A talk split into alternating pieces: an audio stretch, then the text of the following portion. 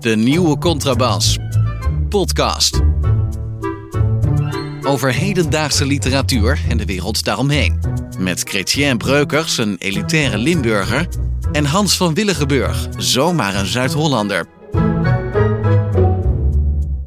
De achtste aflevering van de nieuwe Contrabas podcast.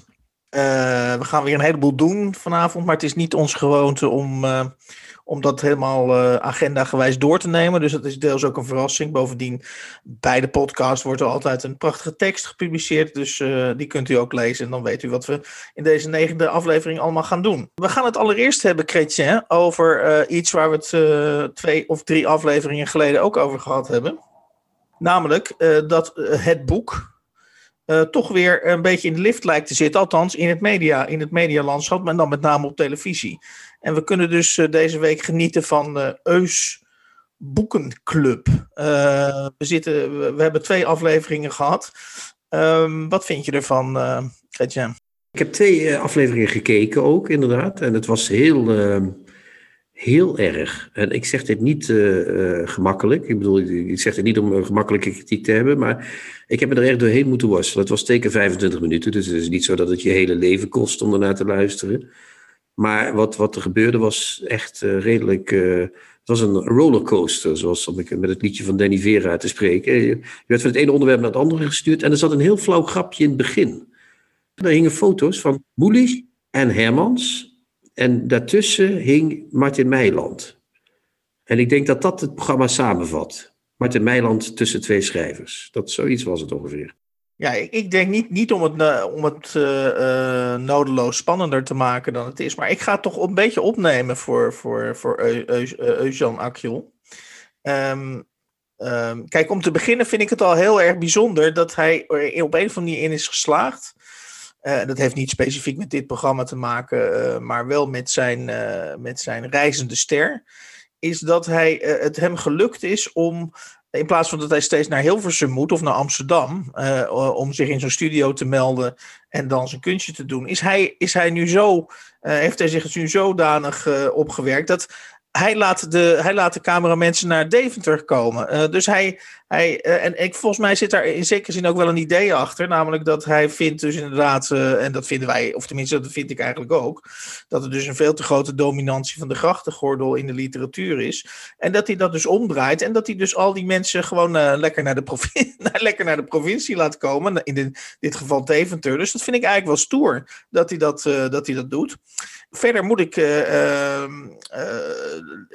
moet ik toegeven dat het programma wel behoorlijk mank gaat. We, om de redenen die jij ook eerder hebt genoemd. Namelijk, na drie minuten heb je al uh, muziek. Dat was wel een leuk muziekje trouwens. En, en, en dan is inderdaad, uh, hij wordt. Uh, Eus vertrouwt dus zijn eigen, zijn eigen kwaliteiten niet helemaal. Want inderdaad, zoals jij ook al aankondigde, heel vaak moet er in Nederland niet alleen muziek bij als het over literatuur gaat, maar moet er ook, moet er ook te, iets te lachen zijn. Dus dan, hij, hij laat zich begeleiden door Stefano Keizers, een, een, een cabaretier. En die, die moet eigenlijk als een soort stut voor Eus uh, hem door die, hem door die uh, uitzending heen, heen loodsen. En dat, ja, dat vind ik, ik. Ik zeg niet dat die Stefano Keizers niet leuk is. Sterker nog, hij heeft af en toe leuke opmerkingen en observaties. Maar ja, dat is, het is natuurlijk een beetje.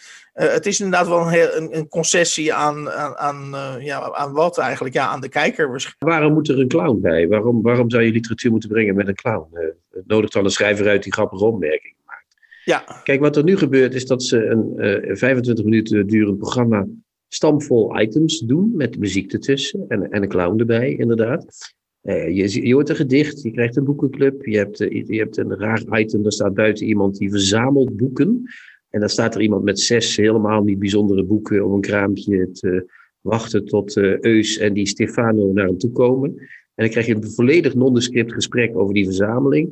Uh, je krijgt, ja, wat krijg je allemaal? Je krijgt een soort beschouwing van Eus in het begin. Hij heeft een hele gekke jas aan ook. Net alsof hij die op de markt in Istanbul uh, gekocht heeft. Een soort bruine jas met een soort, uh, soort schapenwol erin. En, en, dan, en dat allemaal rotse knots en alles wordt ons op ons afgegooid. En hier alsjeblieft, dit is een boekenprogramma, zoek het maar uit. Nee, ik snap het niet. Nou ja, wat dat marktkraampje betreft, ik zou de, echt de luisteraars willen aanraden om dat, om dat programma onderdeel als, als, als, de rest, als de rest... Als je wanhoop in mensen wil zien, dat moet je echt terugkijken, dat, dat, dat, dat gesprek bij het marktkraampje. Want dat is echt tenenkomend. Want er komen dus twee bekende Nederlanders, Stefano Keizer en Eus. En die komen dan bij het marktkraampje. En dan zie je dus dat die mensen ja, heel zenuwachtig hun, hun verzameling gaan, over hun verzameling gaan vertellen. En eigenlijk, zeker bij de eerste uitzending, zie je Eus eigenlijk alleen maar denken: Jezus, hoe lang duurt dit gesprek nog? Uh, wanneer kunnen we echt gaan beginnen? Die arme man die, die, probeert, die probeert uit te leggen dat hij begeisterd is over zijn verzameling. En het komt, uh, Eus doet amper een poging inderdaad om, uh, om uh, serieus op zijn observaties in te gaan. Dus al met al vind ik het eigenlijk, ik vind het wel een dap, ik, ik, ik, zou het willen kwalificeren als wel een dappere poging om ja, een enerverend boekenprogramma te maken. Ik dus ik vind jouw aanvankelijke oordeel wel erg streng, Kreetje. Mag ik daar nog iets aan toevoegen, toch nog, heel even? Uh, kijk, ze, ze hebben ook die boekenclub, hè? Dat, een echte boekenclub. Daar komt er een schrijver en die heeft een boek geschreven. Peter Buwalda is geweest, de eerste aflevering. En de tweede was Simone van der Vlucht. En wat je dan ziet is, er komen twee mensen, twee bekende Nederlanders ook weer. Want dat kunnen natuurlijk niet zomaar gewone lezers zijn. Dat moeten toch weer bekende Nederlanders zijn. Bij Buwalda was Willy Wartaal en, uh, en Yvette van Boven waren er. En die Willy Wartaal was zo idolaat van uh, Peter Buwalda, dat, dat Peter Buwalda kreeg echt een latje ervan. Die was echt hartstikke blij dat het, uh, dat het zo goed ging. Die, kreeg, die werd echt afgelebberd. Niet een beetje, maar echt van boven tot onder. Dan denk ik, oké, dat is prima.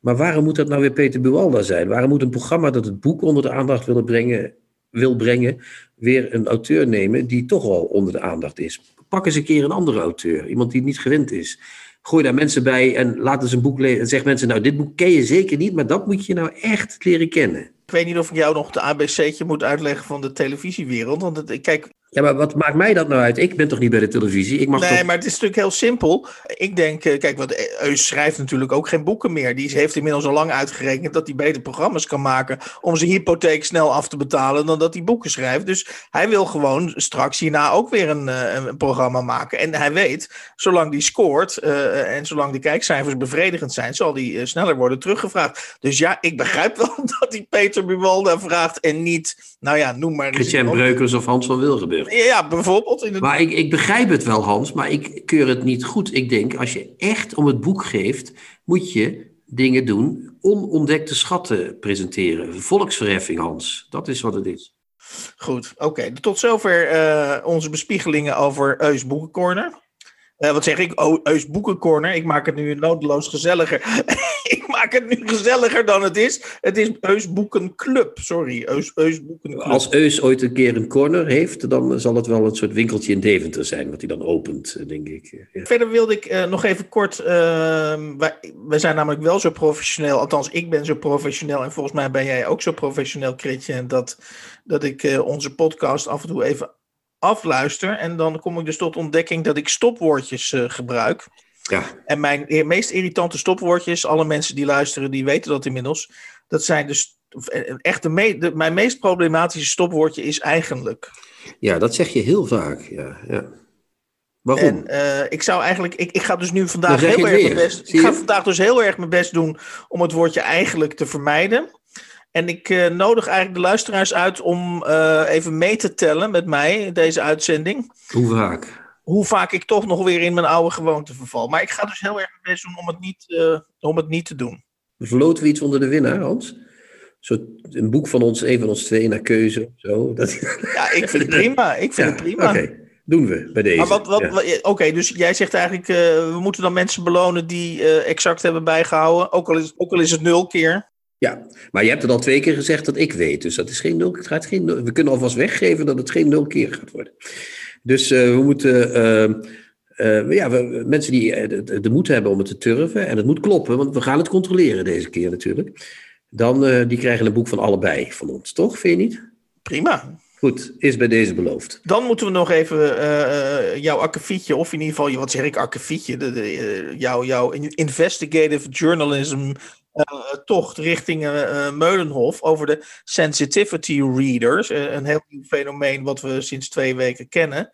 Jij hebt aan Meulenhof gevraagd, wat is nou precies, wat moeten die sensitivity readers bij die poëzie van Amanda Gorman nou precies doen? En heb je al een antwoord? Zeker. Ik, ik had eerst het algemene adres gemaild, geen antwoord. Toen heb ik gemaild met PR-medewerker Mark van Biezen. En die heeft het doorgestuurd naar iemand van de afdeling PR, Rut Bergmans. En die antwoordt mij het volgende. Op dit moment denkt Meulenhof na over een nieuwe manier om de poëzie van Amanda Gorman recht te doen. We spreken met de mensen van wie we kunnen leren. Dat kost tijd, maar is zeer belangrijk. Uw vraag komt, met andere woorden, een beetje te vroeg. Hartelijke groet, Rut Bergmans. Dat is toch gek, hè? Ze gaan een boek uitgeven en dan vraag je iets over dat boek en dan komt je vraag te vroeg. Ik denk dat hier uh, geen. Uh, hier valt geen kruid meer. Hier is geen kruid meer tegen gewassen. Dit boek, uh, dit wordt echt. Theo Sontrop zei altijd: de boeken van Modiano en van Thomas Bernhard. die kon je van de drukker naar de slechte dragen. En ik hoop dat ze die bundel van Amanda Gorman ook van de drukker meteen door naar de Rams kunnen brengen. Dit is echt. Dit is van een minachting eigenlijk van die uitgeverij ook. En van een, van een klunzigheid van die uitgeverij. Daar lusten de honden toch geen brood van, of niet? Moet je horen. Hans leest een favoriete passage voor uit een boek dat hij onlangs gelezen heeft. Vandaag ga ik uh, iets voorlezen van een van mijn all-time favorites. Vaste luisteraars uh, weten dat inmiddels. En dat is Charles Bukowski. En de timing is uh, in dit geval niet geheel willekeurig. Want het gedicht dat ik ga voorlezen heet Democracy. Ik vind dat een ongelooflijk ehm, kernachtige en veelzeggende tekst over de aard van de democratie. En um, wat ik er mooi vind aan dit gedicht, uh, want ik ga het toch een klein beetje uitleggen alvorens ik het uh, voor ga lezen, is dat um, die democratie is natuurlijk een heel vreemd iets als je er uh, een beetje over gaat nadenken. Want er, wordt er wordt dus wel een beroep gedaan op jouw enthousiasme om te gaan stemmen. want je moet gaan stemmen, want dat, dat wordt toch algemeen wel gezien als, als goed. Maar tegelijkertijd is het natuurlijk uh, naar de aard van de democratie helemaal niet de bedoeling dat je echt erg hartstochtelijk wordt uh, over, over de democratie zelf. Of dat je, dat je uh, want, want, ja, die hartstocht, voor je het weet, dan, dan zit je aan de onderbuik. En dan zegt de democratie tegen jou van nou nee, dat lijkt me toch niet zo'n goed idee om, om op je onderbuik af te gaan. Dus het eigenlijk is, is, is, is de uh, de verhouding tussen burger en democratie moet eigenlijk per definitie uh, een verstandshuwelijk uh, zijn. En toch word je dus geacht met enige passie of met enige geestdrift naar die, naar die, stem, naar die stembus te gaan. Chrétien, ik weet dat jij niet zo'n politiek dier bent, maar leg ik het zo goed uit? Ervaar jij dat ook zo? Het is een verstandshuwelijk, die democratie ja, van ons. Dat, dat, dat zie ik ook heel duidelijk zo. Wat ik mooi vind aan de democratie is dat die zichzelf kan afschaffen. Hè? als er 60% van de mensen morgen op een partij, één partij stemt en die partij die besluit om de zaak eens even drastisch terug eh, te, te draaien, dan moet dat kunnen, want dat is democratisch zo besloten. Dus daar zit een spanning in. Ja. Dat is interessant dat je dat noemt, want dat is natuurlijk voor heel veel democraten juist precies de, uh, de angstdroom. Uh, zie, die, zie wat er in Duitsland in de jaren 30 is gebeurd. Ja, dat is ook heel angstig, maar dat is wel dus de, de, de zwakte en de, de, de, het punt van aandacht dat de democratie nodig heeft. Ik weet niet of dat altijd in een soort nazisme hoeft te, te, vervallen. Maar er zit altijd een gevaar aan dat de democratie kapot kan. Ik weet niet of Bukowski daarover schrijft, uh, overigens, maar dat is. Uh, ja. Ik ga het nu voorlezen. Ik ken het bijna uit mijn hoofd. Maar goed, ik, ik ga het natuurlijk toch nog wel. ik ken het niet helemaal uit mijn hoofd. Dus ik doe het wel keurig met het boek erbij. Maar ik vind het in ieder geval heel erg ker kernachtig. En ik ga het in het Engels voorlezen. Want ik weet, eh, volgens mij is het niet in het Nederlands vertaald, dit gedicht. Democracy. The problem, of course, isn't the democratic system. It's the living parts which make up the democratic system. The next person you pass on the street, multiply him or her by three or four or 30 or 40 million, and you will know immediately why things remain non functional for most of us. I wish I had a cure for the chess pieces we call humanity. We've undergone any number of political cures and we all remain foolish enough to hope that the one on the way now will cure almost everything. Fellow citizens, the problem never was the democratic system.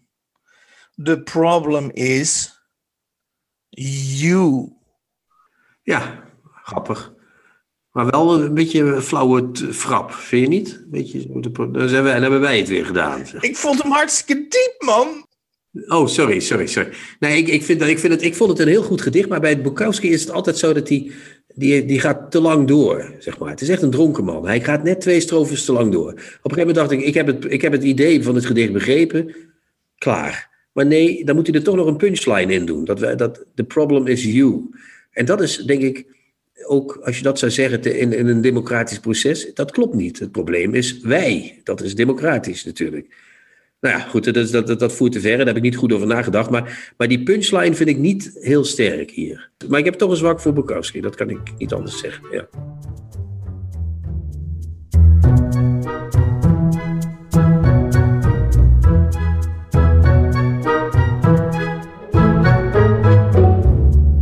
Felix was inmiddels namelijk zo in beslag genomen door zijn eigen uitleg, dat hij gewoon over het midden van de weg liep.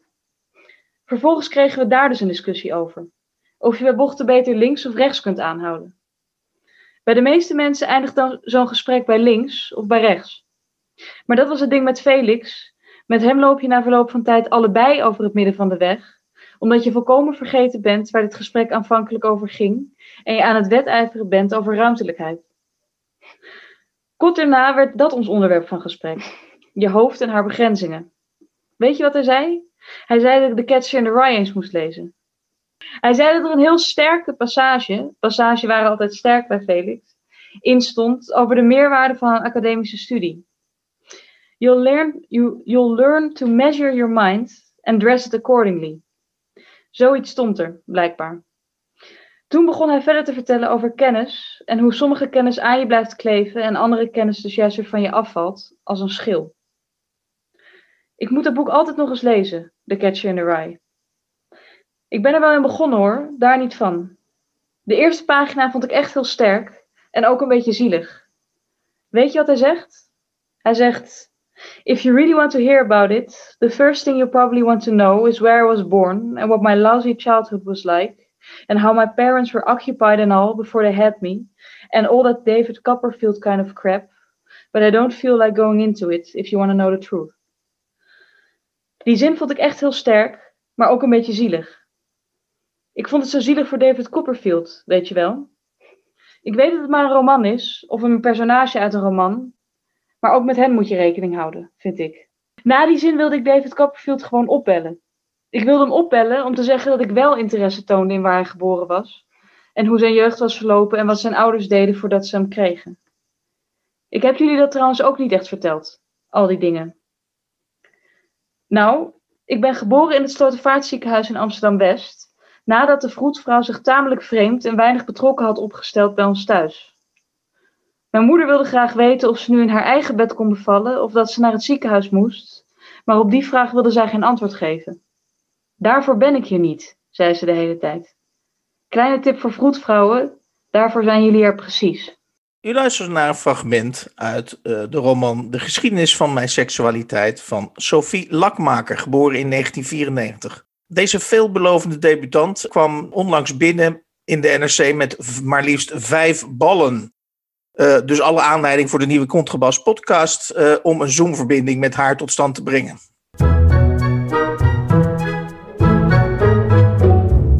Het grote probleem is dat zowel Chrétien als ik het een heel erg leuk boek vinden. Sterker nog, het is een van de beste boeken die we de laatste maanden gelezen hebben.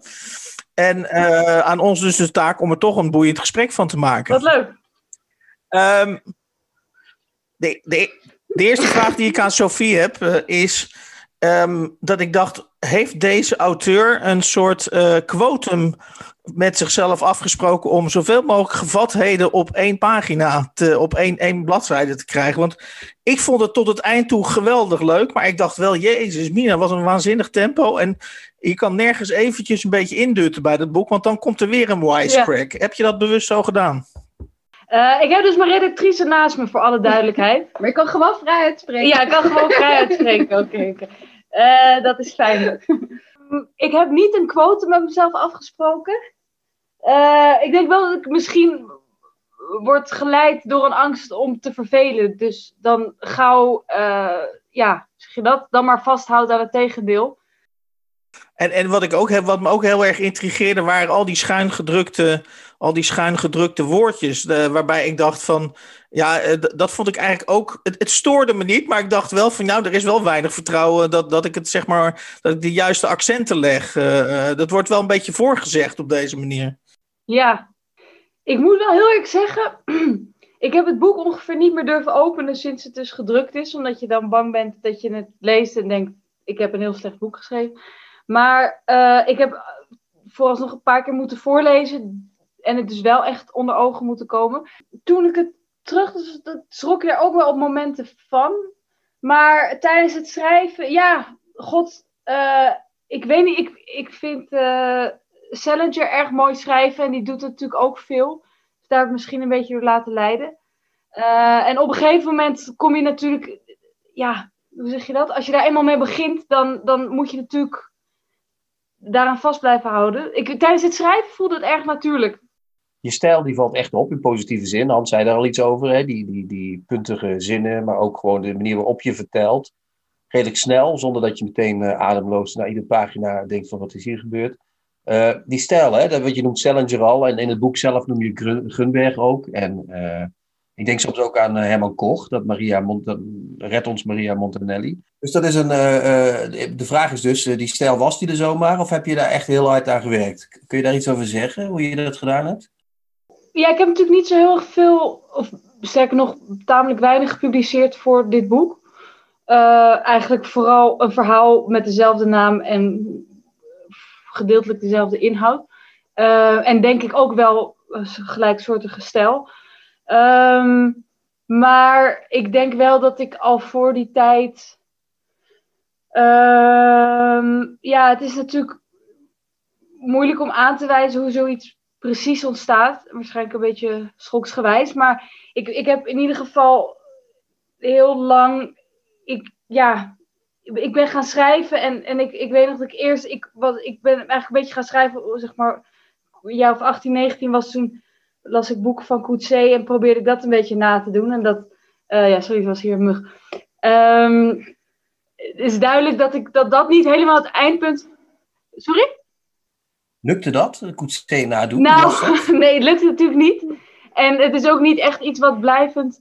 Ja, ik weet niet hoe dat is, Coetzee nadoen. Wat doe je dan? Wat is nee, dan maar bedoel, dat is natuurlijk veel ingetogener en, en, en iets gecontroleerder of zo. En uh, nou ja, ga je op een gegeven moment andere mensen weten, ga je dat een beetje nadoen. En dan, als het goed is, ontstaat natuurlijk iets van, je, van jezelf. Maar uh, ik heb heel lang het niet echt durven delen, omdat het zo autobiografisch was dat ik zelf dacht, iets is pas literatuur wanneer het, uh, ja, het autobiografisch een beetje ontstijgt. Toen was eigenlijk Marcia Holman, die hier naast me zit, die tegen mij zei uh, op het zomerkamp van Das Mag, van nou, als dat je, uh, of ik, ik quote je nu even, of parafraseer je even, maar als dat blijkbaar zo jouw neiging is, dan moet je misschien eerst maar eens proberen daar heel goed in te worden. En dan zien we daarna wel weer verder met fictieve verhalen. Maar toen ik het boek dichtsloeg, dacht ik eigenlijk bij mezelf: Vind je het nou eigenlijk heel erg leuk in Amsterdam? Vind je dat nou een te gekke stad? Of vind je eigenlijk al die mensen die daar rond paraderen, of vind je die nu eigenlijk een beetje fake? Of, of, of, of uh, weet ik al niet wat? Dus, en toen vroeg ik me af: zou zij nou de hele, haar hele leven in Amsterdam van Grunberg weten we natuurlijk dat hij vlak na Blauwe Maandagen naar New York is gegaan? Uh, heb jij ook al dat soort plannen, of, uh, of, of niet? Nou, in ieder geval niet binnen Nederland naar een andere stad. Dat lijkt me gewoon gevaarlijk. Want? Nou ja, ik moet binnenkort een keer voorlezen in Rotterdam. Ik had al aan de, aan de organisatie gevraagd of ik persoonlijke uh, beveiliging mocht vanaf uh, Rotterdam Centraal. We hebben wel van boekhandels gehoord hè, dat het niet uh, per se slim was om, om posters te maken met jouw foto, jouw auteursfoto die in het boek oh. staat. Maar wacht even, je staat toch op pagina 2 gewoon met een groot Ajax-shirt gewoon afgebeeld? Ja, eigenlijk vooral dat aspect was. Uh... Ja. ja, wacht, dan misschien aangezien dit dan uiteindelijk uh, vooral uh, audio, audio wordt. Het gaat dus om een, een, tatoeage in mijn nek met drie x'en. Ja, en dan zou je in Rotterdam worden. Oh ja, natuurlijk. Dat komt dan door de sentimenten van bepaalde... Oké, okay, maar dan maak je je echt serieus zorgen over, begrijp ik. Je wilt beveiliging. Nou... nou ja, als jij dat, die taak op je wil nemen. Dan... Maar, maar nog even terug naar mijn vraag. Eh, eh, ehm, vind je Amsterdam dus... Want dat, dat, vond ik, ja, dat vond ik ook het aantrekkelijke aan het boek... is dat je het eigenlijk openlaat... Hoewel je natuurlijk wel veel over die omliggende personages schrijft... en, de, en, je, ze ook in zekere zin de maat neemt... en je iets over beweert... laat je niet uiteindelijk uh, niet, niet doorschemeren... Of, of je het nou eigenlijk hartstikke leuk vindt... of dat je het eigenlijk tamelijk afschuwelijk vindt eigenlijk. Ja, Goed, ja, misschien moet ik daar dan nu ook geen helderheid over verschaffen. Dan, dan, dan is dat voor iedereen. Uh, um... Er zijn vele uren mediatraining tegenaan gegooid. ik heb dat autobiografische van het boek, eh, daar wil ik nog iets over vragen. Je hebt dat heel uh, redelijk uh, opzichtig aangepakt, als ik dat mag zeggen. Het is niet zo dat je heel lang moet zoeken naar mensen die erin voorkomen. Zelfs voor, voor ik, ik, woon in Nijmegen, dat is ver weg. Maar ik heb zelfs al met een beetje Google kon ik er al achter komen dat Ehm, dat een van de Van Vosjes uh, erin speelt. Althans, die indruk krijg ik heel sterk. Uh, en, want ik vond een interview van hem met Cees Notenboom in Venetië terug. En dat komt toch redelijk pontificaal in je boek voor. Oh ja, dat is natuurlijk makkelijk. Oh jeetje, dat heb ik nog niet eens aan gedacht. Ja. maar de vraag is niet zozeer naar het sensatiegehalte, maar ehm, hoe, is het met, hoe, is hoe is het contact met Heerma van Vos op het moment? Nee, nou ja, het geldt voor wel een aantal mensen in het boek dat ik. Uh, schrijf natuurlijk het makkelijkst als je niet langer aan speaking terms bent. Dat is waar. Um, nee, nee, ja, om een concreet antwoord te geven op je vraag spreek ik hem voor de rest niet. Maar ook niet dat we kogelbrieven naar elkaar sturen of zo. Het is gewoon geen contact. Maar je vond dat, dat autobiografische, om dat er echt in te brengen, dat heb je bewust gedaan wel. Je dacht, ik moet dat toch wel een beetje uh, dat moet toch herkenbaar aan uh, zitten in, de, in, in het boek. Ja, nou ja, achteraf denk ik dat dat, uh, als ik. Achteraf zou ik daar niet eens per se mijn hand van het vuur steken dat dat allemaal nodig is, dat dat, dat, dat zo expliciet herkenbaar is. Ik denk gewoon dat ik tijdens het schrijven, zoals Masje ook kan me amen, wilde ik in eerste instantie niet eens per se de namen veranderen van iemand. Maar dat had denk ik meer te maken met dat ik mezelf toch ook oplegde zo, zo min mogelijk angst toe te laten tijdens het schrijven. En een soort, ja, ik weet niet, onbevreesdheid of zo aan de dag te leggen en, en gewoon te gaan. En, en dan dat je. Dat is volledig geslaagd. Maar je, je hoopt dat dat op elkaar inwerkt. Dat je denkt, oké, ik heb lak aan die mensen, maar natuurlijk niet alleen lak aan die mensen, maar ook dat dat dan op een bepaalde manier ook weer reflecteert in de stijl. En dat dat, nou ja, een soort dynamiek wordt of zo. Dat het gewoon gedurfd wordt. Um, en achteraf, want ik heb daarna ook nog wel, dat dan los van Daan, maar ook nog andere mensen een beetje gedonder mee gehad. Dat ik achteraf nog wel dacht, nou, ik had ook net iets meer inderdaad kunnen fingeren. En dan had je uh, uh, net iets meer vrienden gehad uh, op je begrafenis. Als je, als je die namen nog verder gefingeerd had, dan had je je als een soort echte ouderwetse schrijver kunnen verstoppen achter dat. nee, dat is een roman en daar mag alles in en dat zijn die mensen helemaal niet. En, et cetera. Dus dat was ook niet wat je wilde. Nee, ja, ik heb er ook. Ik, ik had daar niet per se een opvatting van, van. Oh, als ik het zo doe, is het ouderwets. Ik denk gewoon. Ik had een eerste versie. Uh, waarin iedereen volledig met naam en toenaam werd genoemd. En uh, ik, had, ik had een aantal maanden, best wel, ja, niet, niet super lang vond ik zelf, maar om uh, de uiteindelijke versie in te leveren. En toen heb ik het zo fictief gemaakt als uh, juridisch nodig was. En misschien dat ik. Uh... Dat is wel een mooie nieuwe term. In de, ja. Juridisch mogelijk. Ja. Maar het is niet dat ik per se me inhield, omdat ik. Ja, ik bedoel, ik vind er ook niks mis mee hoor. Als het wel uh, volkomen fictief is. Ja, ik heb er niet. Ja, mensen zijn zo geneigd daar een hiërarchie in aan te brengen. Van iets is niet goed, want het is heel autobiografisch. Want dan is het navelstarig. Of iets is dan ouderwets, omdat het. Maar ik heb daar zelf niet zo'n ontzettend geformuleerde mening over. Alvorens we um, je zo nog vragen over jouw toekomstplannen, kort, wil ik inderdaad heel graag van je weten. Uh, omdat natuurlijk heel veel jonge mensen, maar ook oudere mensen, die kijken, die zien de schrijver als een soort goddelijke eenheid die alles uh, creëert, zullen we zeggen. Maar jij zit gewoon gemoedelijk naast je redactrice daar in Amsterdam. Um, maar, hoe, die de avondklok uh, straks, ja, die gaat beboet worden straks. Maar ik heb ook het idee dat we langzaam een beetje afscheid aan het nemen zijn uh, van het idee dat inderdaad alles uit het brein van één iemand komt. En dat je daar dus, uh, dat, dat een sparringpartner, dat dat eigenlijk steeds meer geaccepteerd raakt bij het maken van een boek. Voel jij, voel jij dat ook zo? Of uh, hoe was die samenwerking? Je mogen allebei antwoord geven. Ja, nee, hier ga ik echt meteen even in. Want dit kan Sophie natuurlijk niet vergelijken met anderen. En ik kan het heel goed vergelijken. En ik heb ook echt tegen menigeen gezegd, maar mag ik niet zo'n kijkje in de keuken. Maar ik heb echt bij Sophie, en dat zeg ik dus echt niet voor het promotieverhaal of weet ik veel wat, zo weinig gedaan. Behalve inderdaad hier en daar gezegd, dat, dat zei ik ook op jouw boekpresentatie, dat het enige wat ik uh, volgens mij deed was af en toe een schouderklopje en zeggen, zou je die namen niet even veranderen? maar verder echt weinig.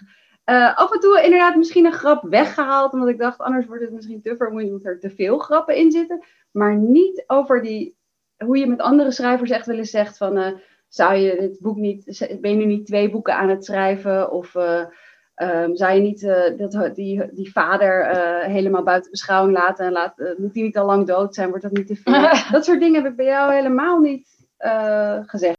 Chrétien heeft zijn afdeling research, heeft hij uh, jouw podcast met Gijs Groenteman uh, heeft hij, afgeluisterd. En daarin heeft hij van opgestoken dat jij in ieder geval van plan bent om nog een, een voetbalboek en een experiment, meer experimenteel boek te schrijven. En voor zover je het nu kan overzien, krijgen we eerst het voetbal en daarna de experimentele roman. Ja, het idee is, ik was van plan om nog mijn, ik heb alleen, of alleen, maar ik heb een bachelor filosofie gedaan en ik wou nog een master filosofie doen. Dus ik wou eigenlijk het voetbalboek schrijven, dan een master filosofie. En dan een soort van, in de hoop dat ik dan een daadwerkelijk intelligent mens ben, dan een, dat een slimme boek te schrijven. Oké, ik kijk er in ieder geval naar uit. En uh, Chrétien, die, die gaat je nu naar het onmogelijke vragen, namelijk naar het boek wat daarna dan komt. Ik vind dit boek wat je nu geschreven hebt eigenlijk ook behoorlijk experimenteel eigenlijk al. Als je dat zo bekijkt. Hè, want je eindigt met het begin. Hmm.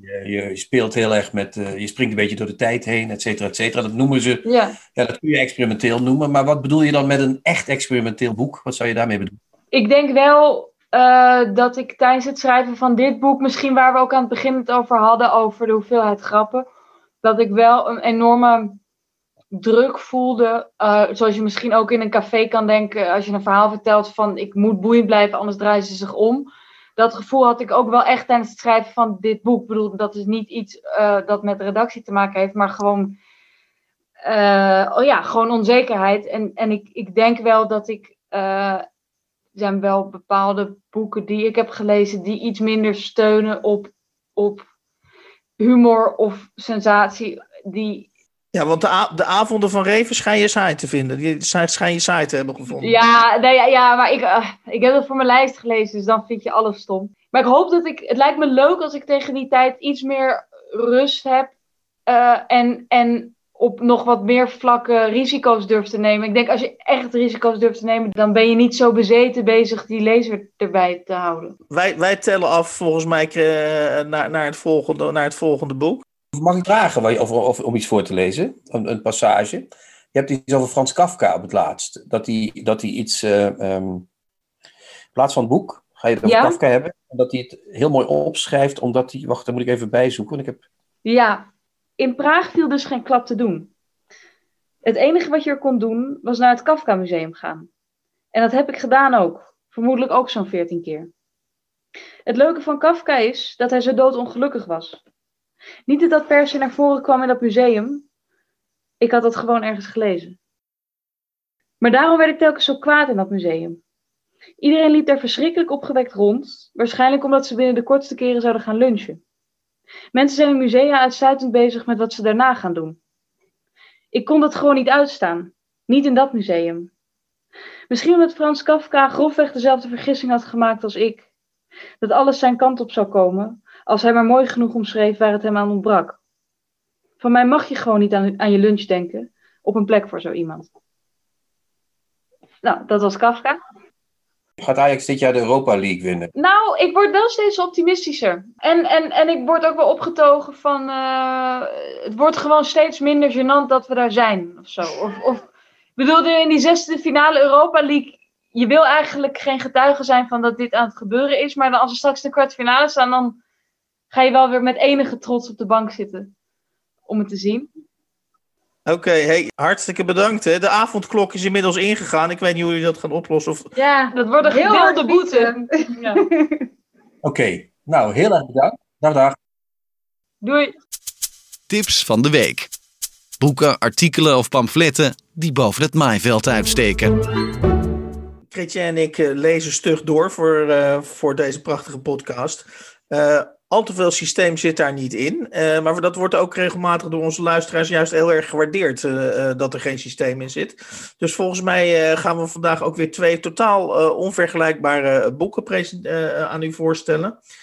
Om te beginnen, Chrétien, jij gaat een, een, een boek, als ik het wel heb, tippen dat door een reclameman is geschreven. Jazeker, Hans. En eh dat is eh, ons aangeraden door eh, een luisteraar van ons, luisterares of heet zoiets, luisteraarster, Marjolein. Het is geschreven door Adriaan Kuiper, een reclameman, een reclamejongen. Adriaan Kuiper is binnen de reclamewereld wel echt een halve godheid, ja. Ik heb hem gegoogeld en ik was onder de indruk van de hoeveelheid beroemde campagnes die hij op zijn naam heeft staan. En eh, dat zijn echt de jongens van de short copy, reclameschrijvers. Dus dat zijn niet de jongens van een roman meteen. Dat denk je niet meteen aan. Maar hij blijkt dus een roman geschreven te hebben. In 2018 verschenen bij Thomas Rap. En die roman heet Anno. Eh, Anno is eh, dat ding wat je op huizen ziet staan in Amsterdam. Hè? Anno, en dan komt er een jaartal achteraan. Vroeger dacht ik altijd dat het het huis van Anno was. Maar dat is dus gewoon, dat betekent uit het jaar zoveel. Maar die Anno, waar de titel van het boek op slaat, is een persoon. En eh, van die persoon vertelt Adriaan Kuiper het levensverhaal. En eh, nou moet ik zeggen dat ik de laatste weken eh, volgens jou wat te diep het onleesbare in verdwaalde. Hè? Alle- wat ik- alles, mag, alles mag bij Alles mij, mag, Christian. alles Alleen, mag. ik dwaalde wel eens af, inderdaad. Dat, Ja, ja, jouw aandacht verslapte wel eens wat richting Feyenoord. En terecht, misschien, ik weet het niet. Maar Anno is een boek dat leest als een trein. Dus tot jouw grote vreugde misschien. En ik was in het begin, dacht ik echt van, ja, dit kan niet. Weet je wel, dit is echt onzin. Dit is mij te slik allemaal. Eh, maar het is prachtig. Hè. Ik moet zeggen dat Adriaan Kuiper, behalve een eh gelauwerd en bekend reclameman, een, een, een goede schrijver is. Dat kan ik niet anders zeggen. Want wat hij doet, is het levensverhaal van een man, Anno, vertellen, die in een religieuze eh, gezin opgroeit, i- intreedt in een klooster, gaat studeren in Rome, allerlei juridische studies doet, later eh, de liefde van zijn leven ontmoet en uit de kerk treedt, advocaat wordt eh, in, in Italië met maffiabanden. En eh, er is nog een heel verhaal met die vrouw, wat op de achtergrond speelt. Nou ja, dat kan ik niet verraden, want dan zou ik het hele, de, de clue van het boek eh, weggeven. Maar het is een, een, een- een, Netflix-serie in het klein, zal ik maar zeggen. Alle verhalen zijn prachtig. Het is een liefdesverhaal, een verhaal over een tijd waarin eh, het geloof en eh, eh, het afscheid daarvan, hè, zo eh, jaren 60, jaren 70, dan begonnen mensen een beetje uit de kerk te gaan. En een leven dat zich dan daarna op een hele gekke manier ontvouwt. Zeer getalenteerde persoon, die Anno, maar, maar, maar vreemd. Het eindigt allemaal heel vreemd. En dat heeft die Adriaan echt fantastisch gedaan. Dus het beantwoord helemaal, want wat mensen, het beeld wat mensen hebben natuurlijk van een reclameschrijver is dat het, dat het natuurlijk een beetje een snoeverig persoon is. Eh, als, als, reclame, als reclame moet je dingen verkopen, maar dat, maar dat is, klinkt dus helemaal niet door in dit boek, begrijp ik. Nee, het is een, een boek en ik, heb, ik voel, het is net alsof ik Martin Ros word ineens, maar het is een boek met, met compassie, een boek met liefde, een boek met uh, besef van eigen misluktheid. Het is een, uh, nu word ik echt Martin Ros, het is een menselijk boek, Hans. Het is een menselijk boek en er komt ook het hele erge, zou Martin Ros zeggen, komt er ook af en toe in voor. Want uh, dat is die vrouw waar die verliefd op wordt en waar die dan mee voor uittreedt. Uh, het boek is verschenen, zei in 2018. Ja, nooit van gehoord, niks van gezien. Het is dat wij het nu natuurlijk opdiepen aan, aan de hand van Marjolein dat we, dat we dit boek bespreken. Maar uh, is het nou zo kinderachtig dat, uh, dat dit prachtig... Want ik bedoel, als ik weet, jij bent gewoon heel kritisch, Christian. Dus als jij het een prachtig boek vindt, dan moet het echt wel een paar hordes genomen hebben, volgens mij. En dan, dan vind ik het opvallend dat, uh, dat het boek bijna geruisloos gepasseerd is destijds. Ja, ik, ik heb gezocht. Er zijn wel wat recensies verschenen, wat interviews en zo. Maar het is niet zo dat ik... Het is niet eh, aan de rand van mij... En ik volg toch de, de, de, de supplementen goed. Het is aan mijn aandacht... Het is niet onder mijn aandacht gekomen. Dus ik denk dat er echt misschien door ons, maar, maar dat is ook bij ons ook al toevallig terechtgekomen, maar dat er echt in, in de hele literaire kritiek en in de hele wereld van het volgen van nieuwe boeken, dat er echt een wereld te winnen is. Er zijn echt boeken die wegraken en die niet weg mogen raken. Dat denk ik echt. We hadden vorige week Ewout, Kieftal. Dat was ook eigenlijk ook niet genomineerd voor een grote prijs. maar dat had eigenlijk wel misschien gemogen als je het boek uh, leest. Um, dus ik denk dat die, kijk, dat die Kuiper, dat is, ik, ik, denk niet dat hij de nieuwe Vestdijk is. Maar dit boek is niet slecht. Dat is gewoon niet zo. En kun je nog iets over de afloop vertellen of moeten we dat nou juist net niet doen? Nou, de afloop is zo dat als ik dat ga vertellen, dan vertel ik een deel van de. Het is wel zo, en dat is een nadeel. Het is voor een film zou het echt. Het is een briljant plot. Want dat is in een film prachtig weer te geven, dat, dat einde van het verhaal. Maar als ik dat nu ga vertellen, dan is het voor iedereen die het gaat lezen, is de lol er eigenlijk al een beetje vanaf. Nou heb, nou heb ik via via gehoord dat het ook een boek is waarin uh, reclamemakers hebben, tenminste dat wil het cliché, uh, die hebben een groot ego. en nou begreep ik dat dit boek eigenlijk erover gaat, of een van de thema's is dat de hoofdpersoon zijn ego eigenlijk langzaam uh, laat lopen of uh, langzaam verliest. Of, of, of... Ja, die, die man die dus advocaat wordt van de, van de maffia, dat klinkt al als een Netflix-serie natuurlijk. He was a priest and he became a lawyer, et cetera, et cetera. Maar die, die, die man die verliest zijn eer, uh, die eindigt ermee dat hij uh, echt beseft dat alles mislukt is. Maar die heeft wel voor die liefde van zijn leven iets gedaan waar hij zich op kan laten voorstaan op het moment. Hij schrijft het vanuit hele hoge leeftijd, hè, zogenaamd. Dus hij vertelt het vanuit hele hoge leeftijd van die Anno. En, maar die, hij is alles kwijt, maar hij heeft één ding gedaan met die vrouw wat goed is. En daar heeft hij zijn ego voor moeten loslaten. En dat heeft hij gedaan.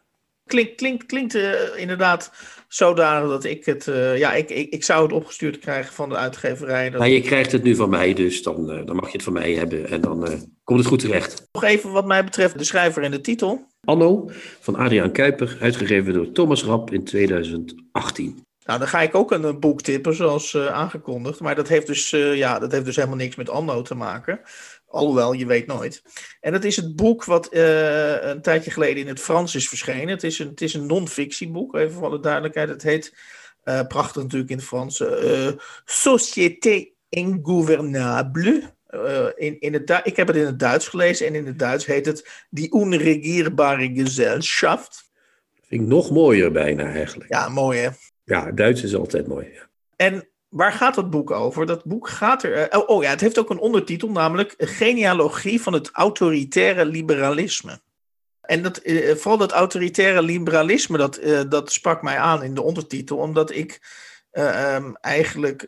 oh, dat is hem weer, hè? Eigenlijk. Ja, luisteraars opgelet, durft u mee? Wat is dat toch voor woord, Hans? Ja, wat is het? Maar goed. Als ik, het, als, als, ik, als ik Nederland en West-Europa zou moeten omschrijven in wat voor soort uh, samenleving wij, wij leven, dan vind ik autoritair liberalisme eigenlijk wel een hele mooie, hele mooie uh, omschrijving daarvan.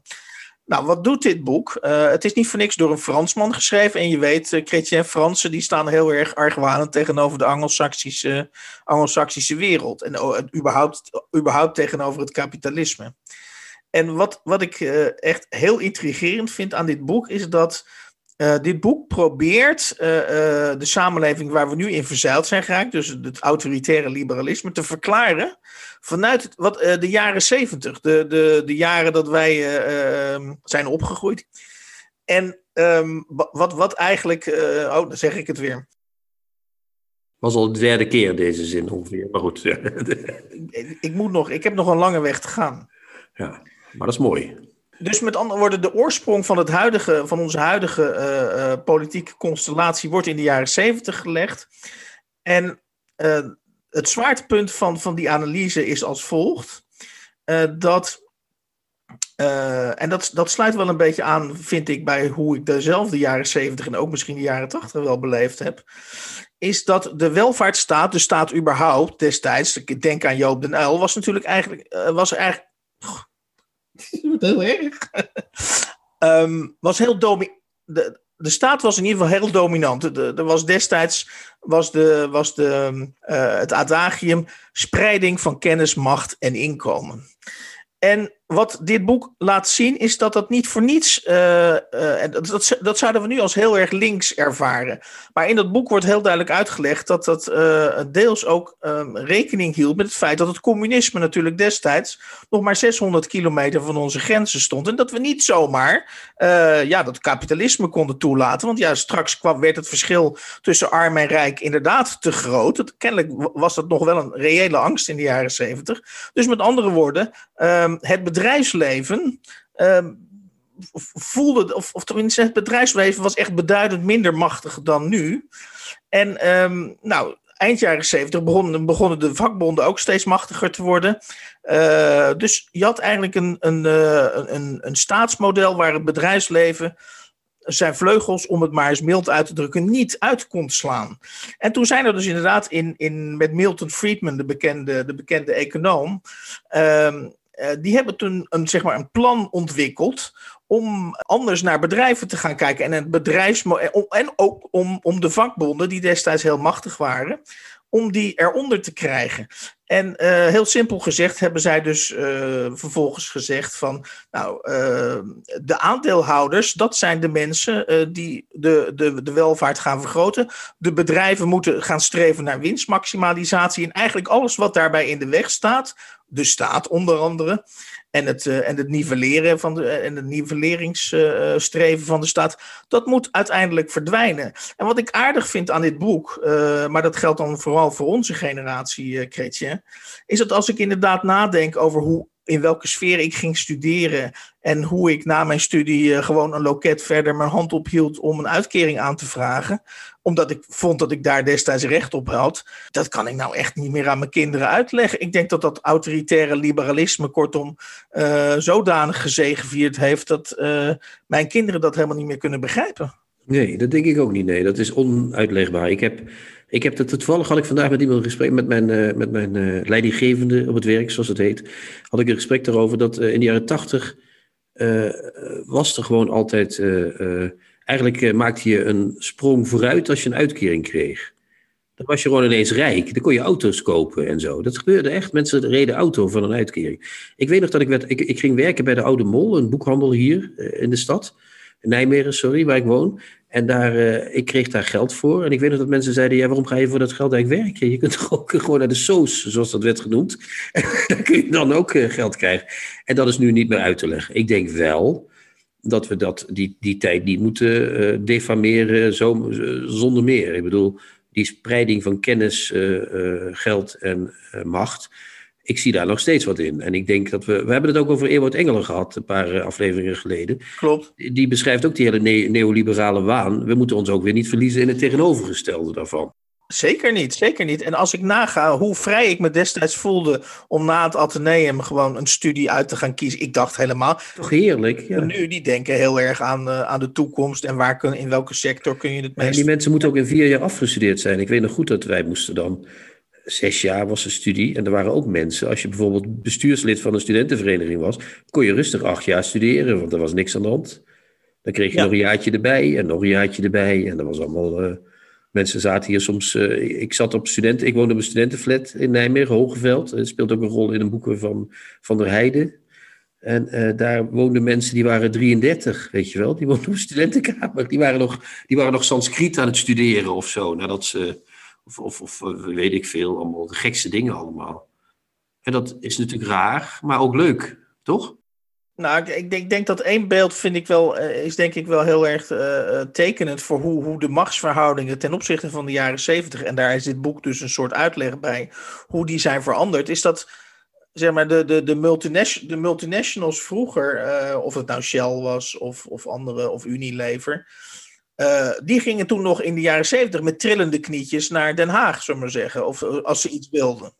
En nu, en nu is dat dus eigenlijk het omgekeerd. Nu, nu, nu zie je dus dat Rutte bij, bij met trillende knietjes naar die bedrijven gaat. Om, of, ze, of ze alsjeblieft uh, wat werkgelegenheid in Nederland willen behouden. Rutte komt van Unilever, toch? Of niet? Uh, met andere woorden, ik denk dat die. Motorverkoper bij, bij Unilever. Precies, klopt. dus die bedrijven die zetten gewoon de premier bij ons neer. Die zeggen: Dit is onze premier. En uh, doe het er maar mee. En wij krijgen voordeeltjes van die man, want die heeft hier helemaal gewerkt. Dus. En dan nog even tot slot even terugkomend op de, op de titel van het boek, hè, die onregeerbare Gesellschaft. En dat verwijst er dus eigenlijk naar dat we toen dus eigenlijk een proletariaat, vanuit, vanuit toen bekeken, dat we dus een proletariaat hadden, die beschermd werd door de vakbonden, die inderdaad, wat jij al zei, eh, je kon net zo goed een uitkering aanvragen als gaan werken. Met andere woorden, uh, die waren als de dood. Dat, dat inderdaad de mens, zeg maar, inderdaad een soort nieuwe vrijheid tegemoet, of een soort half soort anarchie, schuine streep vrijheid tegemoet ging, die helemaal niet de bedoeling was. En die moest echt in de kiem gesmoord worden. En ja, laten we in 2021 om ons heen kijken en je ziet hoe goed dat gelukt is, helaas. Dat is waar, ja. ja. Maar wat is nou precies... Dus het was toen onregeerbaar in de jaren zeventig. Of is het nu onregeerbaar? De, de titel van het boek gaat erom dat, het, dat, het, dat toen door de, door de, door de grote bedrijven, uh, de, de politiek en de, de maatschappij steeds, meer, steeds verder als on, onregeerbaar werd ervaren. Omdat er steeds meer mensen waren die, uh, heel simpel gezegd, in ABC Nederlands hun eigen zin deden. Ja, precies. Oké, dan begrijp ik het goed. Ja, ja. ja boeiend boek, toch wel. Ja. ja, nou, ik moet er wel bij waarschuwen. Ik vind, vind vooral dus het perspectief van het boek vind ik ontzettend boeiend. Ik moet wel toegeven, het is natuurlijk een vrij politiek-theoretisch boek. Er wordt heel veel Marx in geciteerd, heel veel bedrijfsjuridische invalshoeken. Uh, dus uh, het is behoorlijk taai, maar als je het uit hebt, dan, uh, dan heb je ook. Voor de rijpere lezer zeer geschikt. Société ingouvernable. Tommy, Chrétien reageert op de nieuwste schrijfsels van succesauteur Tommy Wieringa. Een nieuwe Tommy.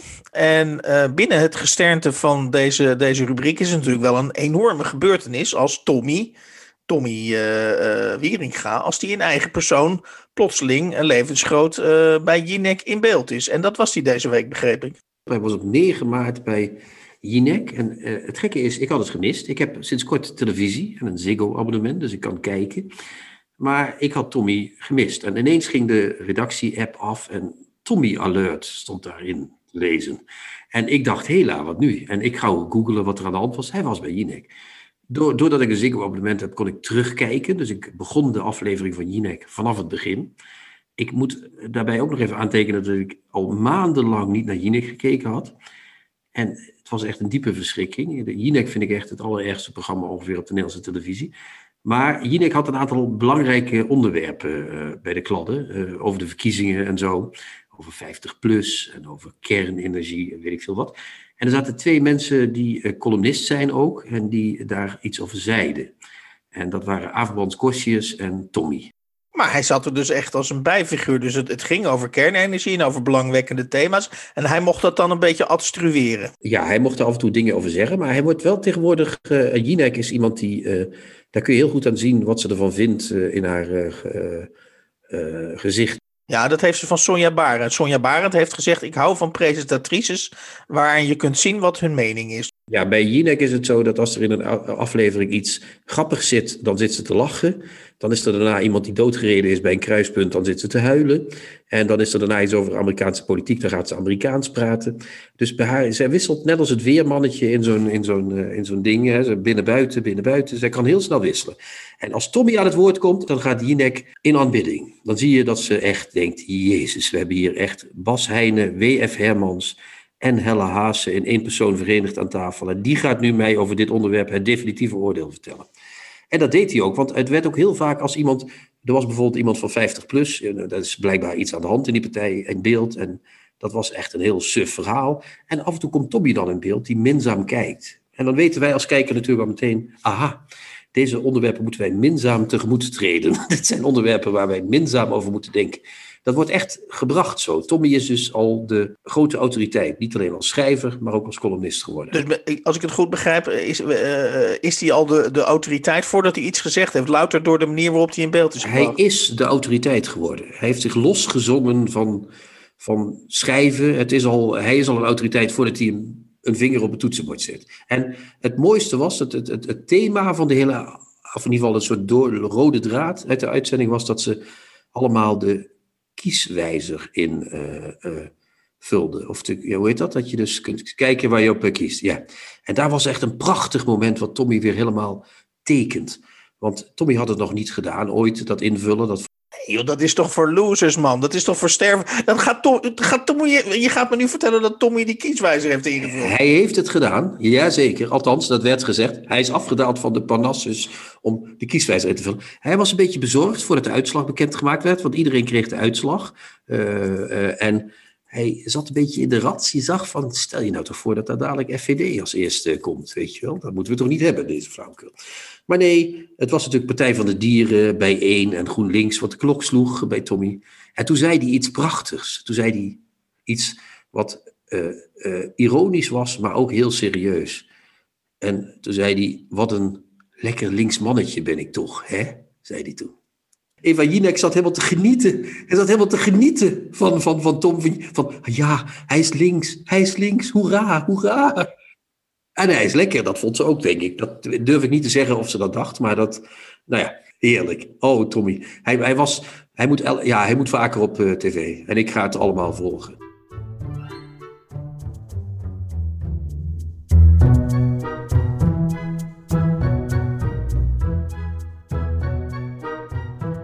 In deze aflevering namen we achtereenvolgens door de volgende boeken. Om te beginnen besprak Chrétien uh, de roman Anno van Adriaan Kuiper, uh, verschenen bij Thomas Rap in 2018. Dan besprak ik daarna uh, het boek Société Ingovernable, in het Duits Die Unregierbare Gesellschaft. Ik doe het maar even in het Duits. En dat is in het Duitsland verschenen bij Soerkamp in 2019. En zal binnenkort ook in een Britse, of sorry, in een Engelse versie verschijnen. Dan ehm, las ik het gedicht Democracy voor uit de hele dikke pil, annex dichtbundel The Pleasures of the Damned van Charles Bukowski. En dat is ooit verschenen bij ECCO, E-C-C-O. En de hoofdmoot van deze uitzending was de geschiedenis van mijn seksualiteit van Sophie Lakmaker. En dat is net verschenen bij uitgeverij Das Mag. Dan hebben we natuurlijk nog uh, ons, uh, ons geïmproviseerde spelelement in deze aflevering. Namelijk, hoeveel keer heb ik eigenlijk gezegd? Ik heb het misschien ook nog eens een keer een halve keer ingeslikt. Dus we rekenen misschien toch wel meerdere antwoorden goed. Maar als je er in ieder geval uh, een, een goede slag naar slaat, dan maak je dus kans om een boek van Chrétien en van mij uh, toegestuurd te krijgen. En uh, je kunt je antwoord met het aantal keren dat ik eigenlijk heb gezegd, vervelend stopwoordje nogmaals, dat kun je mailen naar podcast.denieuwecontrabas.blog. Ik herhaal podcast.denieuwecontrabas.blog. Tot de volgende week. De nieuwe Contrabas podcast wordt gemaakt door Chrétien Breukers, Hans van Willigenburg en Erik Lindenburg.